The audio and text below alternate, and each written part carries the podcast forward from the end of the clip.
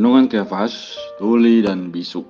Markus 7, 33 sampai 34 mengatakan, dan sesudah Yesus memisahkan dia dari orang banyak, sehingga mereka sendirian, ia memasukkan jarinya ke telinga orang itu, lalu ia meludah dan meraba lidah orang itu.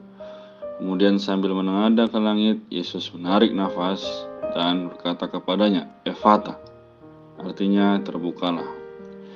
Dalam Markus 7:32, orang-orang membawa seorang yang tuli dan gagap kepadanya dan memohon supaya ia meletakkan tangannya di atas orang itu. Selanjutnya Yesus memisahkan dia dari orang banyak sehingga mereka sendirian. Ia memasukkan, menusuk jarinya ke telinga orang itu, lalu ia meludah dan meraba lidahnya.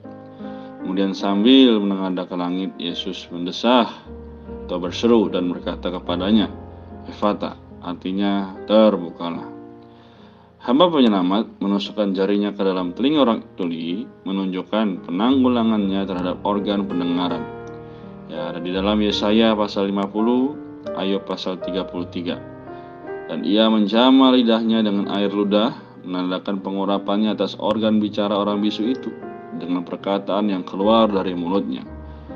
Sobat Kefas, orang ini melambangkan orang yang tuli dan bisu secara rohani, tidak mampu mendengar suara Allah dan memuji Dia dan berkata-kata baginya.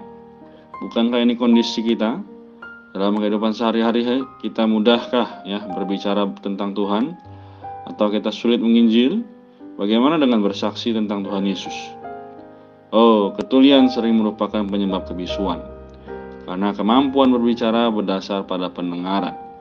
Jika demikian, maka kita dapat menjawab Mengapa kita sulit mempersaksikan Tuhan Yesus?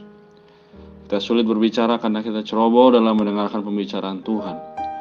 Kita tidak memustiakan firman Tuhan.